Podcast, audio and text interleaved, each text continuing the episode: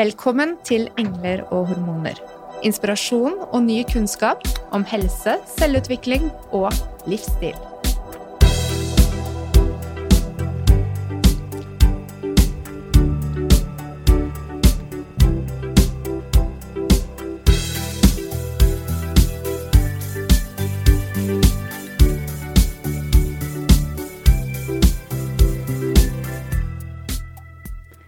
Nå er jeg per definisjon høygravid. Kanskje må jeg vente i fem uker til. Kanskje er han her allerede om noen dager. Kommer han nå, er han klar for å møte verden. Men hvem er det jeg blir når jeg blir mamma? Det er en vanskelig episode å spille inn, for det finnes vel like mange ulike mammaer som det finnes ulike kvinner. Allikevel så tror jeg det er andre, kanskje mer praktiske spørsmål det er viktig å få svar på i denne perioden, om hva som skjer under, og ikke minst etter fødselen. For er det noe vi opplever at kvinner ikke har like god kål på som svangerskapet og fødselen, så er det de første tolv ukene etter fødsel, det fjerde trimesteret. Hvorfor? Er det kanskje fordi informasjonsflyten stopper litt opp omkring det som skjer etter den store styrkeprøven? I dag er vi så heldige å ønske gynekolog Ingvild Hallberg og osteopat og napropat Benedicte Skarslette fra Embla helse i Fredrikstad velkommen tilbake i studio. De skal coache meg og mine medventende mødre gjennom fødsel og det fjerde trimester. Sammen så ønsker vi å få ut den informasjonen vi mener kvinner i vårt langstrakte land burde få. Hjertelig velkommen. Takk. Takk. Dere har jo født barn, dere også. Ja, jeg har to barn. Jeg har tre. Ja. Og hvor mange har du tatt imot, eh, Ingvild? Oh. Ja, nei, i natt tok jeg imot tre, i hvert fall. Ja. For du kommer rett fra nattevakt? Jeg kommer rett fra nattevakt på føden på Kalnes, ja. Ja. Så jeg er også obstetriker. Så du er til stede når det skjer? Ja, når jeg blir tilkalt. Når det blir tilkalt. Mm, for det er jo ikke alltid at det er en fødselslege til stede under eh, Stort sett ikke. mm. Ja. Men allikevel så kan du jo veldig masse, og jeg ser frem fram til å suge ut all den informasjonen jeg kan av deg eh, i løpet av den lille timen vi har eh, til rådighet her i studio. Fyre løs. Ja, hva tenker du, eh, Ingvild, i forhold til å forberede seg til fødsel? Er det noe man kan gjøre for å være godt forberedt til å føde barn? Ja, jeg tror egentlig det. Jeg tror, jeg tror det er veldig lurt å ha tenkt litt igjennom eh, hvordan man håndterer den situasjonen. Hvordan man er i fysisk form, og man er, hvordan man håndterer smerte. Det er greit å vite hva en fødsel er, om fasene i fødselen, og, og kanskje det er lurt å, å ha øvd litt på pusting, og det er ikke dumt, i hvert fall. Mm. Og mange har jo vært på kurs og lært litt om hvordan fødselen er, hva som skjer på fødestua, hvordan fødestua ser ut, eh, ikke minst. Hvor lenge riene varer, og hvordan man kjenner at man er i gang, for eksempel. Eh, Ja, og ikke minst smertestillende. Om man har noen tanker om det. Mm. Da kan vi jo kanskje gå gjennom den lista, litt sånn Ja. punkt for punkt. Det kan vi gjøre. Men har osteopaten noe å legge til i forhold til hvordan man best kan forberede seg til fødsel? Ja, når de møter eh, oss osteopatene, inkludert dere, så, så er vi jo veldig opptatt av bevegelser i rygg og bekken og hofter, og at de er i aktivitet, ikke minst, så lenge som mulig frem mot fødsel. Fysisk aktivitet er alltid bra.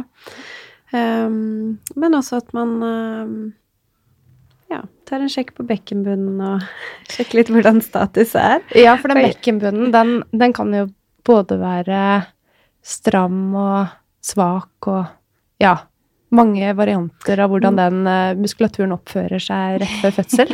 Det er mange varianter. Og så er det jo noe med det at vi eh, plutselig, for første gang i livet, blir opptatt av bekkenbunnen når de nærmer seg fødsel. Så, og den bekkenbunnen har jo gjerne en historikk med seg. eh, Mhm. Fra kanskje tidligere fall på rumpa, eller ulykker, eller hvor det har blitt noen spenninger. Eller at man kanskje rett og slett aldri har tenkt på den før, og ikke har trent den. Det fungerer jo stort sett ganske bra at eh, vi ikke lekker når vi hoster og nyser og sånn, men eh, Men det er noe med det å, å trene seg opp til den tiden etterpå. Mm.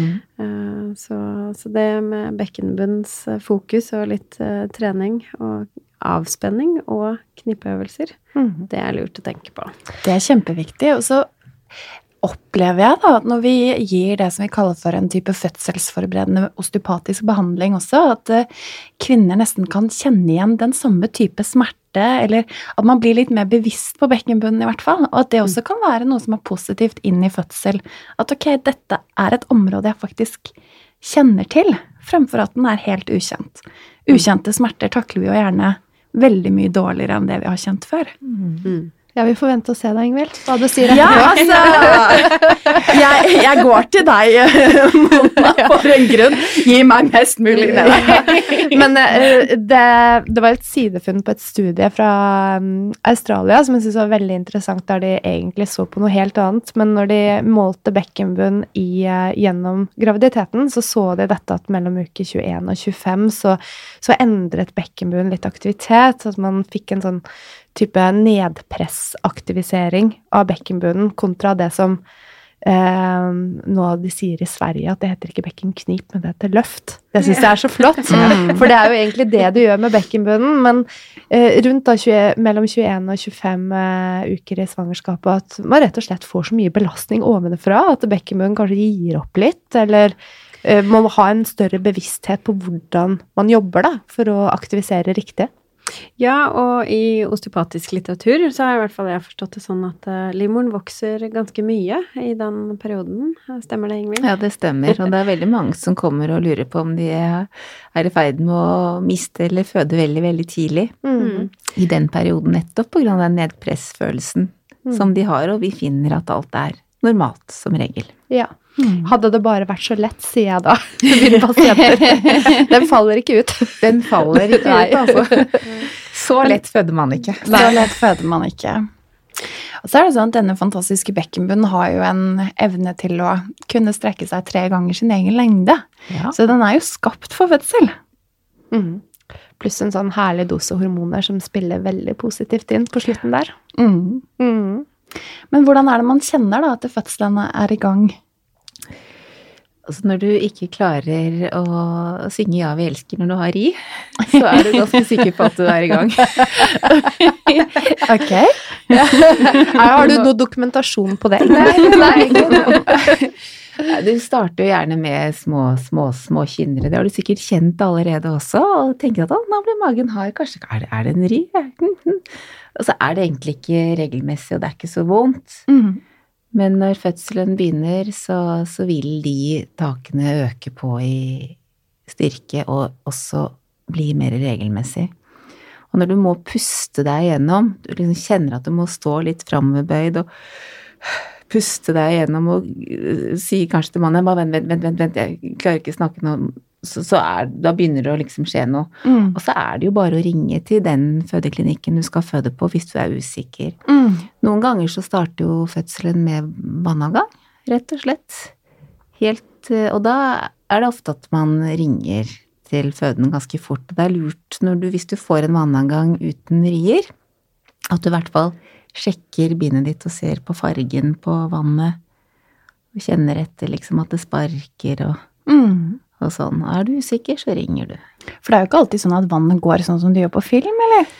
Nei, altså du har jo På film så gjør det jo det, og da må jeg jo komme en liten eh, digresjon fra min første fødsel, hvor jeg startet opp med vannavgang ti dager før termin. Og min mann var da ute av byen, dette var i Oslo. Og jeg ringer han og sier du, vannet har gått, sier jeg. Og da får han helt hette, for han hadde sett mange amerikanske filmer, så han så jo da for seg at i neste scene så ligger hun da med babyen oppi fanget, så han ringte da politiet og ba om politieskorte fra Fredrikstad inn til Ullevål, fordi at kona hadde ringt og sagt at vannet gikk, og møttes, ble da møtt med en sånn latter, da. Fra politiet? Fra politiet, så Ja. de lo seg, de fikk seg en god latter. Nei, Ja. du får nok ikke det. Og det stemte jo det at det tok ut døgn før min førstefødte var ute, da. Mm. Ja. Så han kom seg inn. Han kom seg inn Ja. i god tid. Så bra. Ja. Rakk å sovne i saccosekken og ja. Så når er det man da egentlig bør kontakte sykehuset? Det er ved Du skal ringe sykehuset egentlig når du er usikker og lurer på, eller om du er, kjenner at eh, riene kommer eh, hvert eh, femte til tiende minutt regelmessig og såpass kraftig at du må puste deg gjennom. Mm. Bare ringer du. Er det et godt tips å ha sånn rieteller, eller? Nei, Det holder å se på klokka. Det holder å Ja, se på klokka. Ja. Og i forhold til vannavgang så er det jo også noen som har da litt mer sildrende. Ja. Eh, og da sier dere innen et døgn. Ja, hvis de har litt sildrende vannavgang og er usikker, så ber vi dem gjerne komme til en sjekk, da. Så, og ikke bytte bind. Ha det bindet de har på seg, så vi kan se på det. Mm. Det er jo det jordmor gjør, da. Se på bindet, og gjerne lukte på det også, for man kan lukte fostervann, da. Ja, hvordan lukter det? Det lukter egentlig sæd. Å ja! For alle de som vet hvordan det lukter. Ja, men det er kjekt å vite, Ingvild. Takk, takk for at du deler det. Siden du spør, liksom. Ja, men selvfølgelig. Vi vil jo vite disse tingene. Og så er det jo eh, Hvis man er usikker på om man kjenner liv i magen, er det normalt at aktiviteten går ned når det nærmer seg fødsel? Nei. Det skal, eh, det, er, det skal være samme frekvens. Det hender jo at altså aktiviteten endrer seg litt ofte. Jo mer barnet i magen blir modent i nervesystemet og vokser til, så vil jo også bevegelsene bli mer stakkato, men mer mykere. Mm. Fra å være litt mer sånn marionettedokkeaktig bevegelse, hvor du kjenner at du bare sånn dult plutselig, så kjenner du mer den derre seige, myke bevegelsen. Du kan nesten si at magen bølger seg, ikke sant? Mm.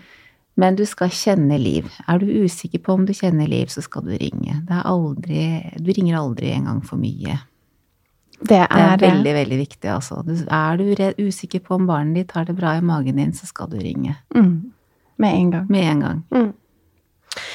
Mange lurer på dette med leie på baby, for det er jo noe som jordmødrene ofte ser på sånn like før fødsel. Mhm. Um, først da det i forhold til seteleie Mhm. og setefødsel er det mange som er bekymret for. Har du noen erfaringer å dele rundt det? Eh, ja, altså I Norge er vi jo flinke til å forløse sete i vaginal fødsel. Det er jo noe vi trener på og kan. Vi har strenge kriterier for når man kan få lov å føde i seteleie. Det går ut på bekkenmål og babyens størrelse, da. Men er det et seterleie som vi ser er bevegelig eller mobilt, da vi kjenner jo på magen, så kan man prøve vendingsforsøk. Og det gjør man da på sykehuset? Det gjør man på sykehuset. Mm. Mm, under overvåkning av fosteret, da. Ja. Mm. Er det stor risiko på keisersnitt da, når man gjør et vendingsforsøk? Nei, ikke under vendingsforsøket, for der har vi jo kontroll. Så når Ja. er det barnet skal ligge med hodet ned? Eh, Førstegangsfødende sånn rundt, så pleier de nok å ha snudd seg med hodet ned rundt uke 36. Mm. Eh, Ja. Så hvis barnet da ligger i seteleie, så blir man kalt inn i, til en kontroll rundt da uke 36-37? ja da, da forsøker man vending, hvis det Mm. lar seg Hvis det ligger til rette for det. Mm. Så de som eh, ikke har fått beskjed om at hodet er festet, det er det Mhm. mange gravide som er Mhm. bekymret for. Hodet er ikke festet, hvordan er det dette kommer til å gå? Har dette noen betydning for fødsel? Ingen betydning for fødsel. Det er jo noen har romslige bekken, andre har ikke så romslige Noen har romslige bekken, og noen har babyer som trenger godt ned i bekkenet tidlig. Andre har babyer som ikke trenger ned i bekkenet ordentlig før man får rier. Og sånn er det. Mm. Mm. Vi er forskjellige. Vi er forskjellige, og er, er det hodeleie til termin omtrent, eh, så er det mye som skal til at eh, babyen snur seg, altså. Mm. Er det mm, noe forskjell på første gang kontra flergangsfødende her? Tenker du på leie? Nei, på om hodet fester seg? Ja, førstegangsfødende, der fester hodet seg tidligere. Mm. Det er tøyd og strukket, og det er litt romsligere for nummer to. Mm. Ja. Er noen som har banet vei? eh? Det er noen som har vært der før, og da går også fødselen ofte raskere. Mm. Fun fact, jeg hadde veldig, egentlig relativt rask fødsel første gang Mm. til å være førstegangsfødende, men på kontroll på sykehuset samme dag så hadde ikke hodet festet seg. Mhm. Det kan du se. Ja. Mange varianter. Mange varianter. Så hvis vi da kommer inn på selve fødselen, da. Skal vi starte med den første fasen? Ja. Ja. Vi var jo så vidt innom den eh, når man begynner å kjenne at disse riene kommer.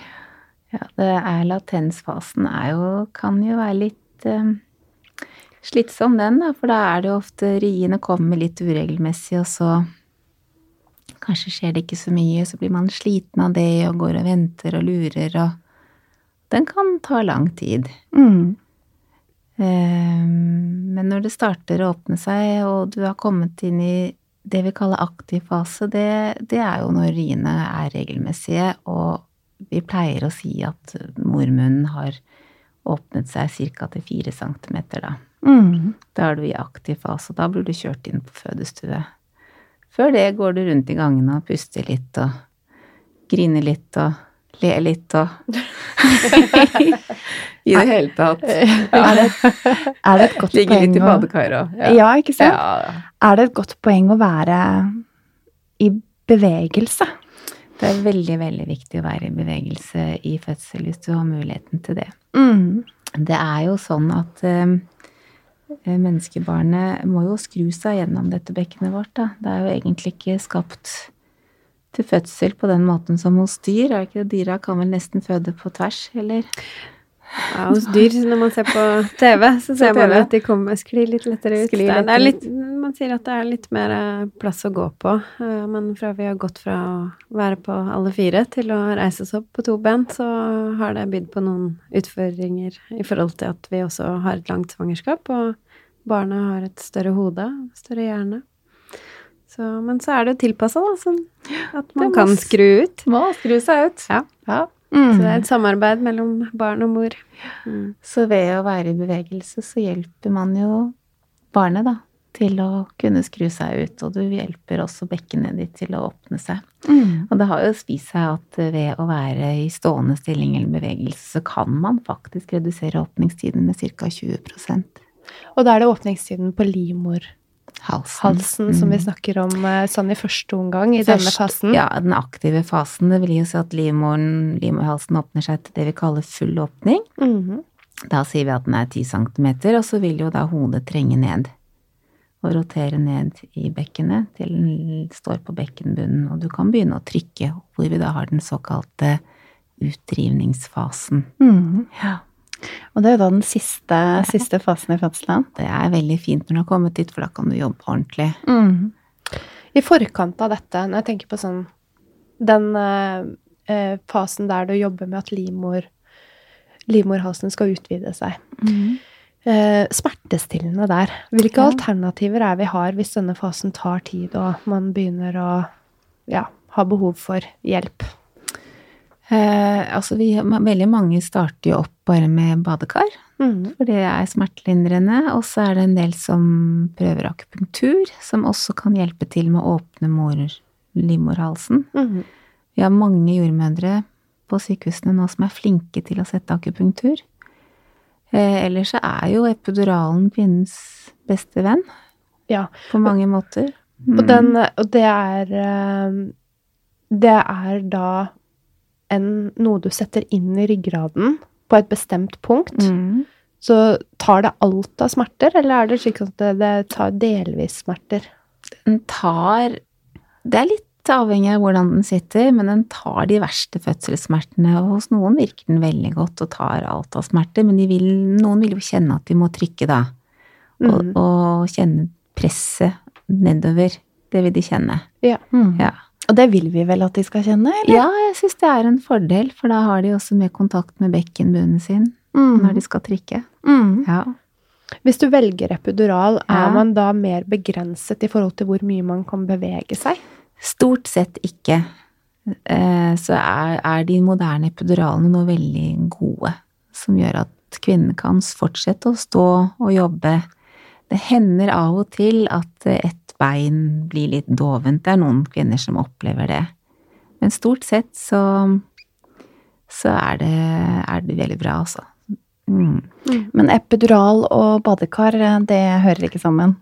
Nei, det hører ikke sammen. Så epidural må du få etter at du har kommet opp av badekaret. Men lyst, og i lystgassen kan du også bruke da. Men eh, er du i badekaret, så er du mer i den fasen at du kanskje ikke kommer til å bruke så mange andre smertestillende akkurat når du ligger i badekaret. Ikke sant?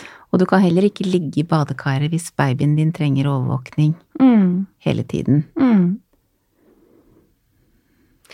For å få fortgang på dette, så nevnte jo dette med akupunktur. Mm. Eh, men eh, mange lurer på dette også med klyster. Om det å få et klyster eh, før, i løpet av åpningsfasen er med på å hjelpe på fødselsprosessen. Det er jo egentlig en fordel da, å få Mm. tømt tarmen sin mm. eh, før man skal føde, for at, eh, ellers så tømmer man den jo når man føder. Mm. Og det er litt upraktisk, egentlig. Ja. Ja. Ja, er det upraktisk, eller er det bare litt sånn at man tenker at dette Jo, er litt altså, ubehagelig? Det er litt ubehagelig, samtidig så kan jo mye avføring i tarmen også virke som et hinder. Mm. Så det er en fordel å få klistere. Ja. Hvis du er lengst siden har vært på toalettet, selvfølgelig. Ja. Mm. Pleier ofte å gi det. Når er det man da får tilgang, eller når er det man blir spurt om man ønsker klister? er gjerne tidlig. Tidlig. Ja. Mm. Og da Før er det du egentlig har gått i ordentlig fødsel. For det er jo ikke alle som har fått klister tidligere. Nei. Kan du forklare litt hvordan er det det gjøres? det er noe man Nei, det er selv ikke alltid jordmor tilbyr deg klister. Altså det, det kan du jo for så vidt eh, snakke med jordmor om selv også, når du kommer dit. Nei, da setter man det er, Klyster er jo en sånn væske som man setter opp i tarmen, og som gjør at avføringen løsner. Og så går man på toalettet, da, etter en stund. For det Mm. må man jo. Da. Mm. Så tømmer man seg. Mm. Og det er jo litt eh, rart å sitte på toalettet og tømme seg samtidig som man har rier, men det er Grensene flyttes. Grensene flyttes. Det går veldig fint. Det går så ja, bra. Det går så bra, Ja. så. Bedre det enn at det skal være et fødselshinder. Ja, ikke Mm. sant? Er jo det. Mm. Og så eh, på forsiden da, så har vi jo blæra også. Den må tømmes. Den må også tømmes. Hyppig. For hvordan er det da med den vannlatingstrangen når man eh, er i fødsel? Det kommer an på. Har du en veldig godt sittende epidural, så er det ikke sikkert du klarer å tømme blæra selv. Men ellers så pleier de fleste å greie det. Mm. Er det noe man kan være litt obs på, at hvis det stopper opp, eller Ja, det er jo egentlig også sånne ting jordmor skal være veldig opptatt av, da. At Mm. den blæra skal tømmes. Og jeg legger aldri et vakuum før blæra er tømt. Nei. Og da kommer vi inn på ulike forløsninger, da. Skal vi snakke om åpningsfasen først? For det, gjøre det. Ja, for det er jo fascinerende hvordan ting endrer seg. Plutselig altså, Jeg opplever i hvert fall Mm. med mine fødsler at det, det blir helt annerledes type rier Mm. når man går fra åpningsfasen til, Til utrivning. utdrivning. utdrivning. Ja. Veldig annerledes. Du kan nesten høre det på kvinnen også. Fra at de puster normalt. De begynner liksom Litt sånn småtrykking. Og da blir vi veldig fornøyd. Og da er det Riene kjennes annerledes ut. Og du får behov for å trykke nesten. Mm. Det kjennes nesten ut som du må ha ordentlig på do en gang til hvis du har fått klyster i forveien. Tenk deg, guri malla, er det mer som skal ut? Mm. Det Mm. er det jo, men ikke akkurat det. Da er det babyen som kommer. Da er det babyen som kommer. Mm. Er det noen forskjell på pusteteknikkene man kan benytte seg av under åpningsfase kontra utdrivelsesfasen? Altså, det er jo mange varianter av pusteteknikk. En del kvinner har jo gått på yoga og lært seg pusteteknikker. Puste, ha dype pust under åpningsfasen og føle at de håndterer det godt. Spesielt mellom riene. Jeg sier ofte at nå må du puste dypt. Jeg puster av og til sammen med dem for at de skal liksom lade batteriene mellom hver ri. Ja, noen har også god effekt av den under i, og i, åpnings, i åpningsfasen. Men i trykkefasen så må man jo trykke, da, Mm. når man puster. Det er jo å Mm. puste inn, det er å holde pusten og trykke den ned, egentlig. Helt til jordmor sier 'nå må du ikke puste mer', 'nå må du ikke trykke mer'. Da anbefaler jeg at man håndterer PC-pusten, og den kan man jo gjerne øve på. Mm. For da, når man PC-er, PC-puster, så klarer man ikke å trykke, og da kan man mye bedre kontrollere hodets eh, fart gjennom utskjæringen. Vi er jo veldig opptatt av å ikke få rifter. Mm. Så når man PC-puster, så klarer man ikke å trykke. Man klarer ikke å trykke. Ikke som amerikansk film, det heller, altså. Nei, det er ikke amerikanere. De gjør det på sin måte, altså. Ja. I hvert fall i Hollywood. De, de, de, men de, de er vel ikke så stille heller når de føder, eller? Jeg tror de roper mye. Ja, det vet du bedre enn oss, tror jeg. På filmen. Ja. Eh, Men eh, dette med de ulike stillingene de bruker, da, eh, i forhold til føde, har eh, Jeg tror jeg kanskje osteopaten også har noen innspill, Ja, men det tror jeg. ja. Har du noen tanker der rundt Tilbake til det fysiologiske og dette her med ulike måter å føde dette barnet på? Ja. Bekkenet er jo en veldig stabil struktur, men som, som følge av hormoner og endringer under svangerskapet og tyngden uh, har leddebånd som strekkes, og uh, leddene åpner seg litt mer, sånn at man skal kunne føde. Så altså, det detter jo absolutt ikke fra hverandre, selv om vi har snakket om bekkenløsning i mange år. Men, mm. men det, er, det er rom for bevegelser. Eh, og det vi snakker om på fødselsforberedende kurs, da, når vi har det, det er jo å vise litt hvordan eh, korsbenet bak i bekkenet, eh, blant annet at man kan innta visse posisjoner da, for å, for å for å gi barnet en bedre inngang i bekkenet, Mm. i håp om at det letter fødsel, da. Eh, Så at den får en god posisjon for å skru på den måten den skal. Har du noen eksempler på det til åpningsfasen, eller? Vi anbefaler jo gjerne, om de er uh, oppe i På Kalnes har de jo sånne transformer-senger som de kan bygge om på alle måter. Så jeg anbefaler jo gjerne at de er litt lett fremoverlent, eh, og eventuelt stå på knærne der, eller henger over en ball eller saccosekk, eller mm. at man står på knærne kanskje da, eller i en prekkstol. Um, eller andre ting, Ingvild, som Ja, jordmødrene er veldig flinke til å instruere og beordre pasientene opp og snu seg fra stilling til stilling. Det er litt avhengig av hvordan barnet ligger, Mm. og det vurderer man jo også underveis. Jeg har sett en eh, dans fra en gynekolog i Sør-Amerika Ja, som danser med pasientene sine. Er den å anbefale? Det er jo sikkert å anbefale, jeg bare skjønner ikke åssen hun klarer å danse sånn under i. Nei, det er imponerende. Jeg tror hun eh, Men det er, jo, det er jo akkurat det samme som Benedicte sier, at hun er jo framoverbøyd og rister litt hoftebevegelser. bekken. Litt sånn hoftebevegelser. liksom. Mm. Og noen av jordmødrene våre er veldig flinke til det. De har gått på kurs, og de står og rister på hoftene og holder på, og det Ja. funker, det, altså. Det er veldig gøy. Mm. Men hva med eh, selve utdrivelsesfasen? Da er det noen eh, stillinger som, som dere ser sånn rent funksjonelt fungerer ofte bra? Det har veldig mye med hvordan kvinnen selv føler at hun klarer å trykke. Altså det er det å få få ordentlig dreisen på den trykkinga, liksom. Noen syns ikke det er noe godt å ligge på ryggen og trykke, vil gjerne ligge på siden. Og på sideleie er veldig fint med denne beinet oppi en beinholder eventuelt, så kan man holde seg under, under låret og bøye seg ned som en liten ball, nesten, og ordentlig få press på det. Andre syns det er veldig ålreit å trykke på alle fire. Er barnet stort, så kan man jo prøve det en stund.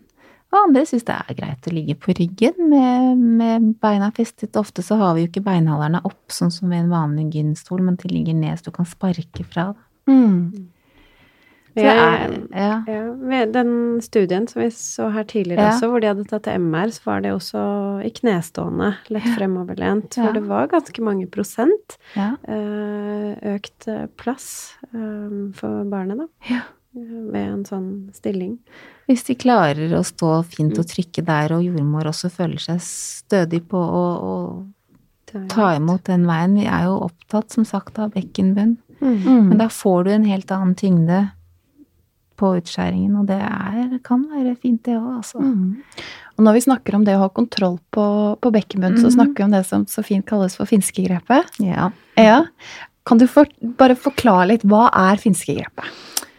Egentlig så er finskegrepet Det startet jo i 2004 nede på, i Fredrikstad sykehus. Jeg var med på den eh, prosessen, så jeg kjenner jo Katarina Leine godt. Hun var jo hun som startet dette her. Kan jeg bare stille, skyte inn et spørsmål? For jeg har hørt fra en gynekolog at i Finland så blir det kalt for norske grep. Ja, det, det er nytt for meg. Det, det, det, det er nytt Så for det startet på egentlig med Ja, det startet på Fredrikstad sykehus. Fredrikstad sykehus, ja. Eh, Vi hadde jo en ganske skyhøy prosent av de alvorlige riftene i Norge på den tiden. Vi var oppe i 5-6 prosent. Jeg kan godt hende det var enda høyere også. Og vi så at Finland hadde veldig lav prosent på det. Så vi lurte på, eller Katarina Leine lurte jo da på hva er det de gjør. Ikke sant? Hun er finsk selv, så vi startet opp med opplæring.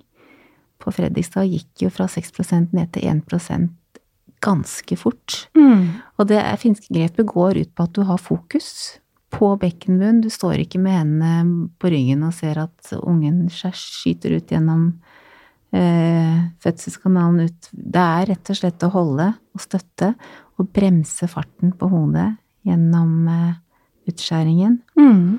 Og også veldig mye passe på at den siste Når, når barnet skrur seg nedover, så skrur det seg ned fra siden, og så roterer det, og siste bevegelse er jo at nakken flekterer ut gjennom fødekanalen, ikke sant, gjennom utskjæringen. Mm. Den siste fleksjonen er jo å få hodet til å løfte seg opp, og da bruker man også hendene til å hjelpe barnet med den støtten, så ikke det blir en veldig stor belastning på bekkenbunnen.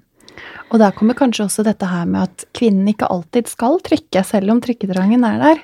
Siste delen der så sier ofte jordmor at nå skal du bare puste, og det er da det kommer inn med PC-pust, eller noen ganger klarer man jo bare å puste, og da kan det hende at man bare puster hodet ut på den siste biten, for da får du ikke det ekstra trykket, det er bare rien som jobber. Mm.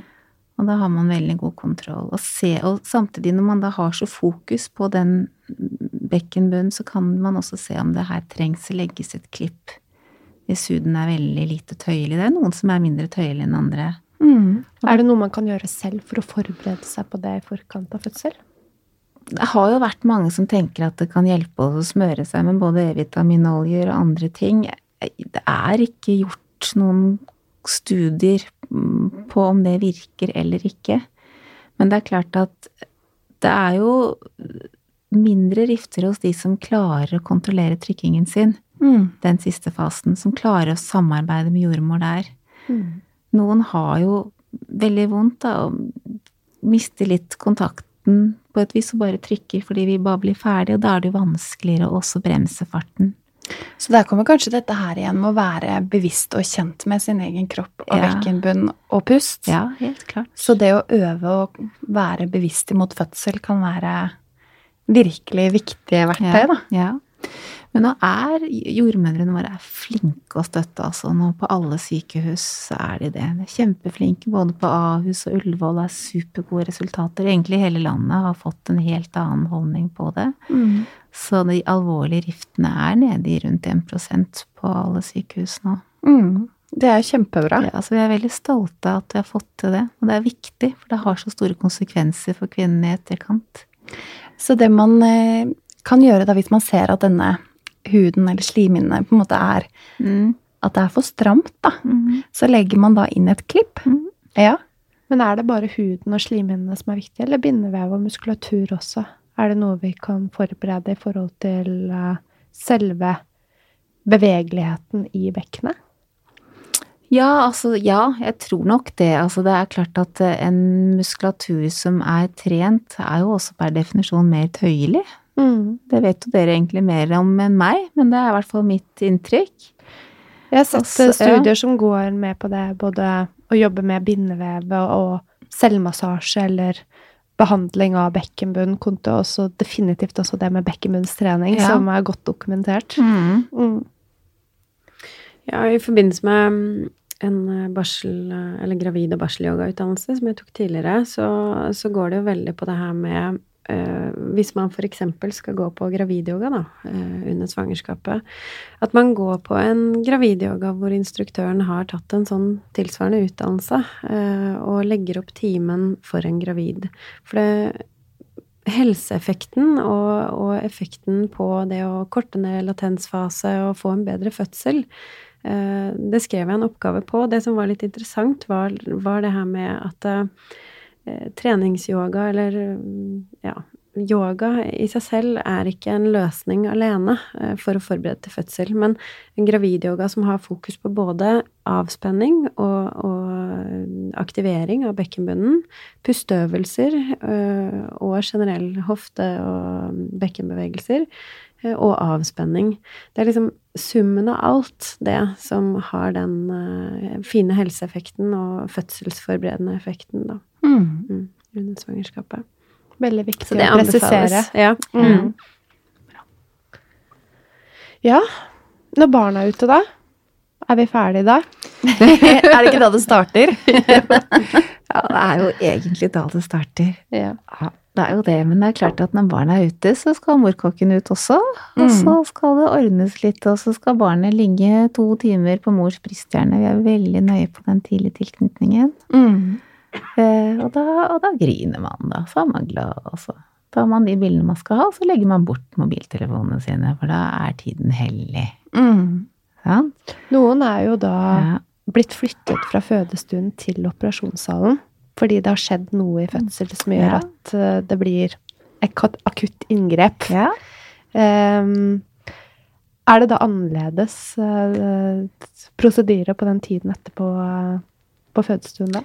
Det kommer an på hvor akutt det inngrepet har vært. Mhm. Eh, Hvis det er sånn at vi ser at en fødsel ikke utvikler seg normalt, kanskje fordi barnet ligger feilt innstilt eller ikke kommer ned i bekkenet, eller kanskje reagerer på de riene som er, At barn blir stressa? ja, stressa, så, så har jo vi muligheten til å, å stoppe riene slik at barnet får det bra igjen, men da kommer det jo ikke ut den vanlige veien, da. Så da må Mm. vi jo trille bort på operasjonsstua og gjøre keisersnitt.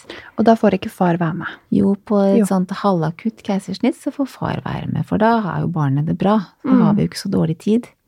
Det er bare det at det kommer ikke ut den veien vi hadde tenkt. Ikke sant? Ja. Så da får mor en spinalbedøvelse og er våken, så gjør man keisersnitt, og så har barnet det bra når det kommer ut. Da så blir jo det også lagt opp til mor ganske fort. Mm. Hos oss på Kalnes så pleier barnelegene å være til stede og bare sjekke det før det kommer inn til mor igjen. Og da ligger hun og ser på barnet sitt, og, og de er jo helt oppslukt av det, mens vi legene står og syr da, og ordner på andre siden. Så Mm. det, noen begynner å amme allerede på operasjonsstua også. Mm. Ja, men hvis det er sånn veldig akutt, at det er sånn veldig katastrofe, det er jo veldig sjeldent at det skjer, da, men det kan jo skje, at du må løpe for, fordi det står om liv, da får mor narkose. Ja. Og da blir det far som må være den Han er jo veldig viktig da for barnet med en gang. Mm. Mm. Hud-til-hud-kontakt. Hud-til-hud-kontakt er viktig i de første to timene, og da er barnet så våkent òg. Veldig, veldig våkent og ser på mammaen sin og sjekker at det er riktig mamma, ikke sant? Mm. Ser på pappa, er det riktig pappa? Hører liksom lyden. Det er helt utrolig tilstedeværende de to timene. Før det liksom legger seg til, og nå må lade batteriene, da. Og så tror alle at de har fått verdens snilleste, roligste baby. Ja. Helt til barna har ligget og ladet ganske mange timer, og så er vi i gang. Og så starter moroa. Da starter moroa. Og så er det en score da, som ropes ut etter at barnet er blitt forløst, eller som i hvert fall blir satt. Ropes vel ikke. Det ropes vel ikke, men blir satt. Blir skrevet ned i hvert fall. Ja. Det går på Det går egentlig på hvor, hvor friskt barnet er når det kommer ut, og det er noe barnelegene bruker, dette Apgar-score. Mm. Og det går på hudfargen på barnet, om hjertet slår som det skal, om det puster selv, og hvor mye bevegelse det har i armer og bein. Mm. Og det er, det er jo et, et, et verktøy vi bruker i forhold til om barnet har vært påvirket når det kommer ut. Da. Og så tar vi også en navlesnors-pH for å se om det har fått for lite oksygen mot slutten. Hvor lenge er det man venter med å klippe navle, navlesnor? Nei, hos oss så venter vi til pulsasjonen er opphørt, faktisk. Eller i hvert fall, ja. Det kommer litt an på hvor fort barn Hvis barnet må fort ut til barnelegene, så venter vi ikke så lenge. Men vanligvis så venter vi et to minutter eller til, Ja. til eh, navlesnoren Pulsasjonen er opphørt, da. Mm. Er det vanlig på de fleste sykehus? Ja, nå har det blitt mer og mer vanlig. Mm. Mm. Tenker at barnet skal få det blodet som er i navlesnoren. Mm. De som føder i badekar. Mhm. Jeg altså, eh, tenker på dette her med det første skriket. Ja. Altså som babyen skal få idet det kommer ut fødselskanalen, og kompresjon av brystkassa, så skal du ut og bare ta ditt første skrik og få inn luft. Em, hvordan er dette når du, når du da er Hvis du føder i badekar? Det Eh, er jo sjeldent at barna skriker på vei ut, da. ja, Det er stort tenker, sett bare på keisersnittet gjør det, har jeg opplevd nesten. Så det tar jo gjerne litt tid før de trekker pusten, for de har jo så mye oksygen til rådighet i navlesnoren. Mm. Og automatisk så har de en sånn lukningsmekanisme, så de trekker jo ikke pusten før det blir stimulert og kommer opp. Det, det å føde i badekar, da at man kan vente litt, det har ingen innvirkning på fylningen av lungene etter Nei, fødsel. Foreløpig så har det ikke det, og det har jo ikke vist at det har vært noen studier som har gjort at man ikke skal la friske kvinner føde i badekar heller. Mm. Um, under kontrollerte forhold med en jordmor som er fortrolig med å ta imot i vann, Mhm. så skal det være trygt. Men det er selvfølgelig strenge kriterier. Vi skal være sikre på at mor er frisk, og at barn ikke har noen tilleggsting, da. Det er og ikke nødvendig å ha en kontinuerlig overvåkning hele tiden. Ja, for det er jo av og til du er inne og hjelper til med Ja, forløsning. jeg hopper ikke ut opp i vannet. Nei. Men hvilke, hvilke hjelpemidler er det som er tilgjengelig på fødestuen for å få hjelp til Alle, selve alle hjelpemidler er på alle fødestuene hos oss på Kalnes. Vi har både tang og vakuum tilgjengelig på alle fødestuer. Mm. Sånn at det er raskt for meg å få ut et barn Ja. hvis det trengs. Mor trenger ikke å bli flyttet. Nei. Bortsett fra hvis det blir keisersnitt. Ja. Mhm. Mm. Det er kjekt å vite. Ja, det er viktig. Er det fødselslegen som også legger klipp hvis det bare er klipp som skal til? Men da gjør jordmor det. Da gjør jordmor det. Mm.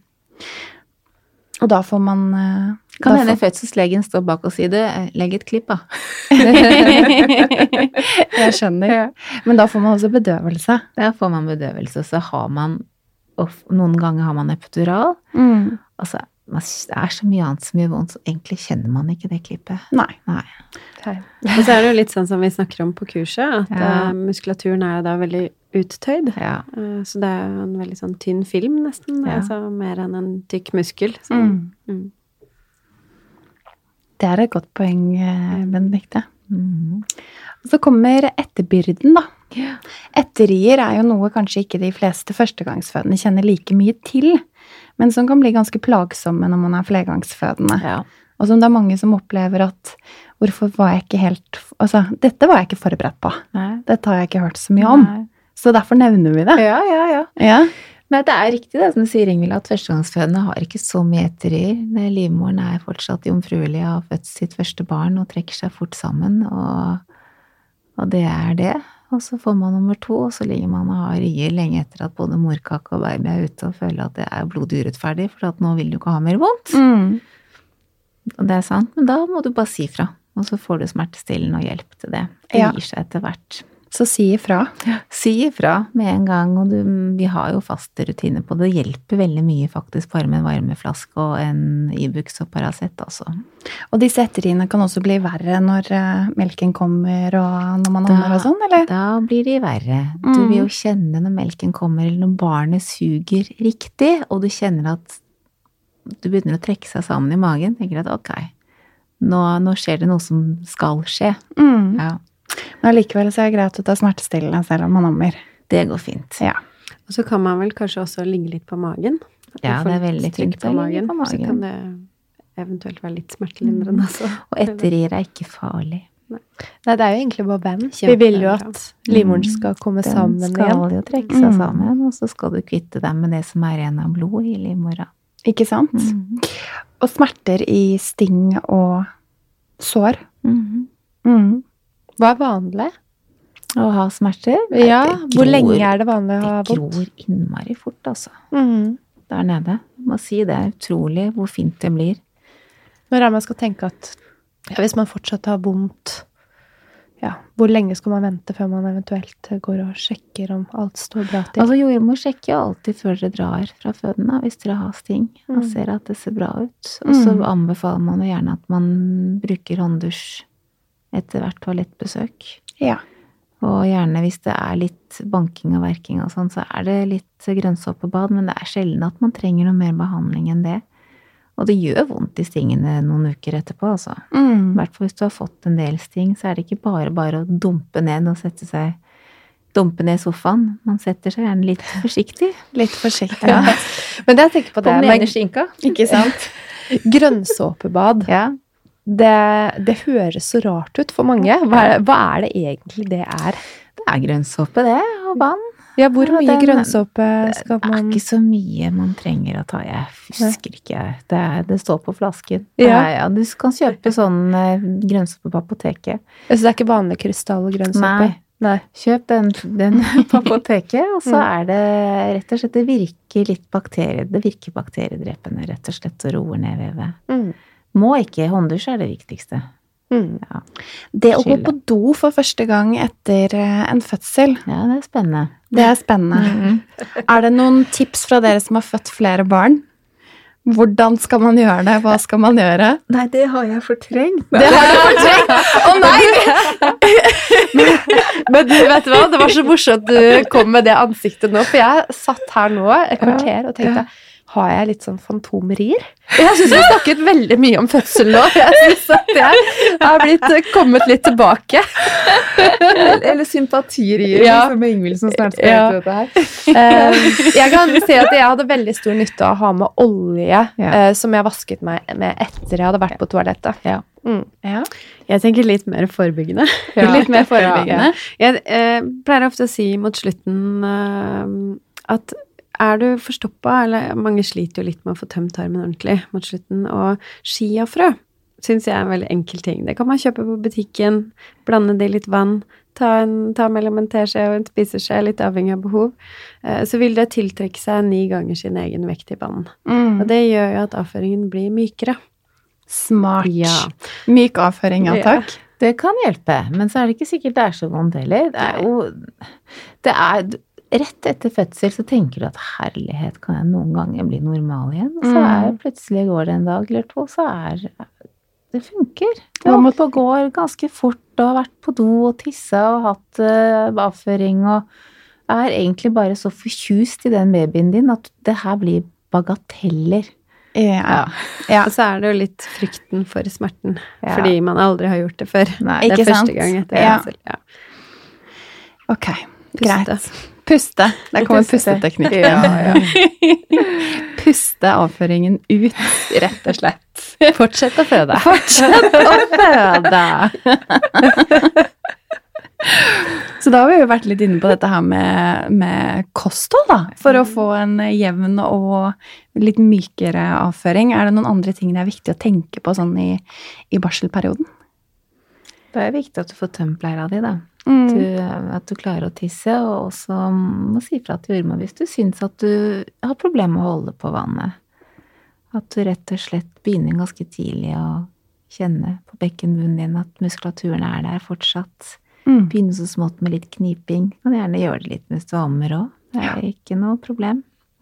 Og det er jo noe vi jobber mye med, Mm. vi, vi som, alle vi som sitter rundt Ja. eh, bordet her. Eh, dette her med å få kontakt med kroppen igjen. Ja, Det er greit å jobbe med det, men eh, det er ikke helt det samme når du skal gjøre det selv. Nei. Nei. Så stor respekt for alle fødende mammaer. Det det er noe som skal læres litt på nytt. Ja. Så Mm. fint å be om hjelp, og gjerne spørre Jeg spurte til og med jordmor på- rett etter fødsel ja, om hun kunne sjekke om jeg hadde kontakt. Det var, det var greit å få litt hjelp. Og så er det noe med det å gi Selv om man, man kan begynne å trene allerede dag én, eller trene, eller aktivere, kan vi kanskje kalle det.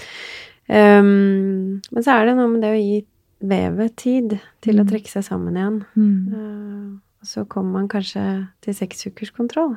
Ja. Og da forhåpentligvis at man oppsøker gjerne helst en gynekolog.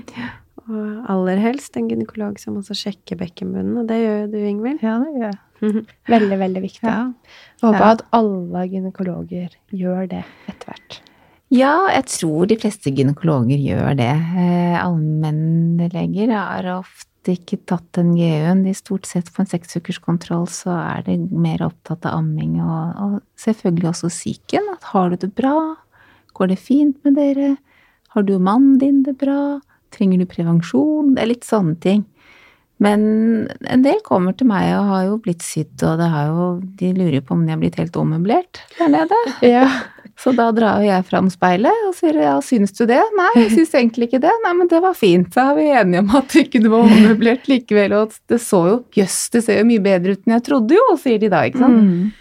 Så Det har de ikke turt å se selv? de har ikke turt å se selv, for Mm. de har følt det så traumatisk eh, noen ganger med den, de første smertene med stingen og Mm. Til at det var litt vanskelig å gå på do og Det er jo en unntakstilstand. Det er en grunn til at man har en barseltid, altså at man er en barselkvinne seks uker. Det er Jeg slår egentlig et slag for um, utvidet pappaperm, ja.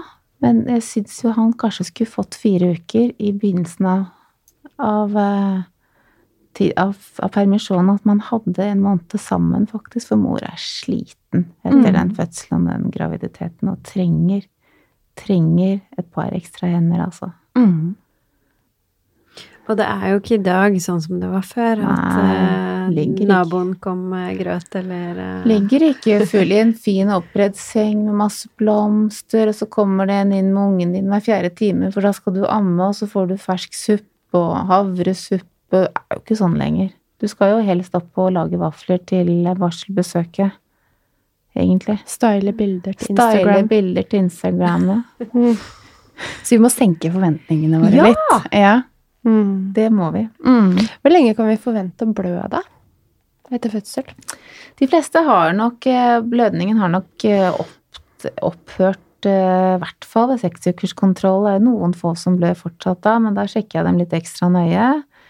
Eh, Tre-fire uker er ikke uvanlig. Det blør gjerne litt mye til med en gang, og så gir det seg litt. Og så går det en 10-14 dager, så får du en ny litt kraftig blødning, og da er det gjerne skorpen som går, som man sier, etter Mm. og så roer det seg litt ned. Da ser man kanskje en forskjell sånn på fargen på det som kommer ut, eller? Ja, det er jo litt sånn gammelt blod, og så er det klart at man tenker guri malla, jeg syns det lukter litt, og så man må følge litt med på det, men har du en infeksjon i livmora di, så blir du jo sjuk. Så du skal ikke gå rundt og ha høy feber, liksom? Nei. Nei. Det skal jo heller ikke vondt når du trykker Mm. veldig. Men har du bare en eh, normal renselse, så er det klart at man skifter jo ofte, men med renselse og blod som møter oksygen, så blir du gjerne litt sur lukt ganske fort, da. Mm. Det er, eh, det er ikke uvanlig det. Du har ikke alvorlig infeksjon for det. Mm. Viktig poeng. Veldig viktig poeng, ja. Mm. Så jeg har bare lyst til å skyte inn angående de chiafrøa vi snakka om. i stad. de er veldig viktige. Nei, det som er veldig viktig når vi snakker om det, det er at de alltid må blandes med vann først. Og så kan de blandes i yoghurt eller smoothie eller noe annet man tar det i. Ser ut som froskeegg. Ja, fordi noen gjør det sånn i starten at de kanskje glemmer å blande det i noe. Og da tiltrekker det jo seg væske ifra tarmen, altså når de kommer ned i magen. Og det ønsker vi jo ikke. Da blir det bare tregere. da blir det motsatt effekt, ja. Mhm. Så husk det. Ja. Blandes i vann. Veldig viktig understrekning fra Benedicte der. Og det rådet tror jeg du kommer til å bli glad for, eh, Ingvild. Ja, ja, ja, absolutt. Er det noen andre ting vi har lyst til å sende Ingvild med av informasjon på veien til mamma-rollen? Ja, det viktigste er jo egentlig sagt, det er jo å senke skuldrene og senke forventningene. Og det er jo noe med at det er jo å bli mamma for første gang er jo helt hinsides. Mm. Man vet jo ikke hva man går til. Sant? Og det er jo et menneske som kommer der som opptar alt, og du sitter og er bekymret for smerter i sting og smerte det, det blir liksom helt sekundært når Ja. du har det barnet hos deg. Mm. Det blir det som er viktigst. Det, det er mer det at Å, spiser han og sover, puster han? Det er mer der du er, tror jeg, når barnet kommer. Det tror jeg Ja, også. så jeg tror ikke du skal være redd. Instinktene dine funker. Og fødselen går vel litt sånn på automatikk. Den kommer ut til slutt. Gjør det. Ja, ja. På, På den en eller annen måte. Mm. Enten så kommer du inn og hjelper til, eller så klarer man seg klarer fint alene med jordmødrene. Ja. God støtte er det i hvert fall eh, i de som er rundt deg eh, på fødestuene. Mm. Og så må man tørre å be om hjelp i barseltiden. Veldig viktig å be om hjelp i barseltiden. Og føler man at ting er for tungt, du kjenner at du ikke klarer å glede det seg mye over babyen din, bli, bli plaget av mange vonde tanker om at du ikke strekker til, ikke er bra nok og sånn, så skal du, må du formidle det videre. Om ikke annet i hvert fall til din mann, som da kan kanskje formidle det videre. For det er mange kvinner som også opplever en fødselsdepresjon i den fasen. Fordi det er så overveldende. Og man har så mange forventninger og tror så mye om hvordan ting skal være. Altså er det Klarer man ikke å være så glad som man forventer, og hater jo den kommentaren fra veldig mange som sier at 'å, nyt tiden', så går man bare rundt og føler seg helt dritt. Mm. Ikke sant? Er det ikke én av åtte som får Det er ganske mange. Mm. Det er ganske mange, og det er ofte ikke så mye som skal til. Det viktigste er at man erkjenner det, og blir møtt på det, liksom. Mm. Mm. Og at man ber om- om hjelp. Unnskyld. Nei, det går fint. Men jeg tenker selv om det er én av åtte, så, så er det kanskje ikke de resterende syv og åtte som er sånn superhappy hele tiden heller. Jeg tror ingen er helt superhappy. Det renner fra alle kanaler. Det renner fra øya, det renner fra puppene, og de går jo de går jo ut og snur seg helt bak på ryggen, og det renner fra underlivet, og ikke klarer man Det er jo ganske slitsomt. Ja. Det er mye kropp. det å åpne opp for det Veldig mye kropp, altså. Du er liksom aldri vært så basal. Det er bare å glede seg. Det er bare å glede seg. Ja. Det fins mye godt eh, økologisk, ikke sant, Benedicte? Jo, absolutt. Men det som, det som jeg tenkte eh, når jeg satt hjemme der og amma hadde brystbetennelse for n-te gang og en skrikende baby, så, så var det sånn derre Den fødselen, så mye folk snakker om den. Mm. Men, men den tiden etterpå, det er liksom Hvorfor er det ingen som har sagt noe? Nei, men så begynte jeg å tenke at eh, ja, det er jo ingen uh, uh, altså mennesker som ville fått barn igjen hvis man ikke hadde glemt det. Så jeg tror hukommelsesspennet er relativt kort, da, heldigvis. Og så Mm. går man på ny giv når man ser de her fantastiske barna vokse opp. Og, Mm. ja. Det er den største forelskelsen. mm. Sorry, Christian. Nei da. Tusen hjertelig takk til både Benedikte og Ingvild for at dere har eh, ja, eh, forberedt meg til det jeg skal gå inn i eh, om noen dager eller om noen uker. Tiden vil vise. Og lykke, til. Tusen takk. Trenger du funksjonell hjelp eller har spørsmål rundt graviditet, svangerskap, etterkontroll, så finner du Benedikte og Ingvild på emblahelse.no. Og der finner du også e-postadresse og på sosiale medier under at emblahelse. Oss finner du på at engler og hormoner. Det er mulig at du får se noen sniktitt inn i Ingvilds nye hverdag når hun har vært igjennom det vi snakker om i dag. Og eh, skulle du ha spørsmål, så følg med i storiesen vår, der vi jevnlig legger ut polls der du kan stille spørsmål til våre fagpersoner. Tusen takk for at du var med i dag. Takk skal du ha. Ha det.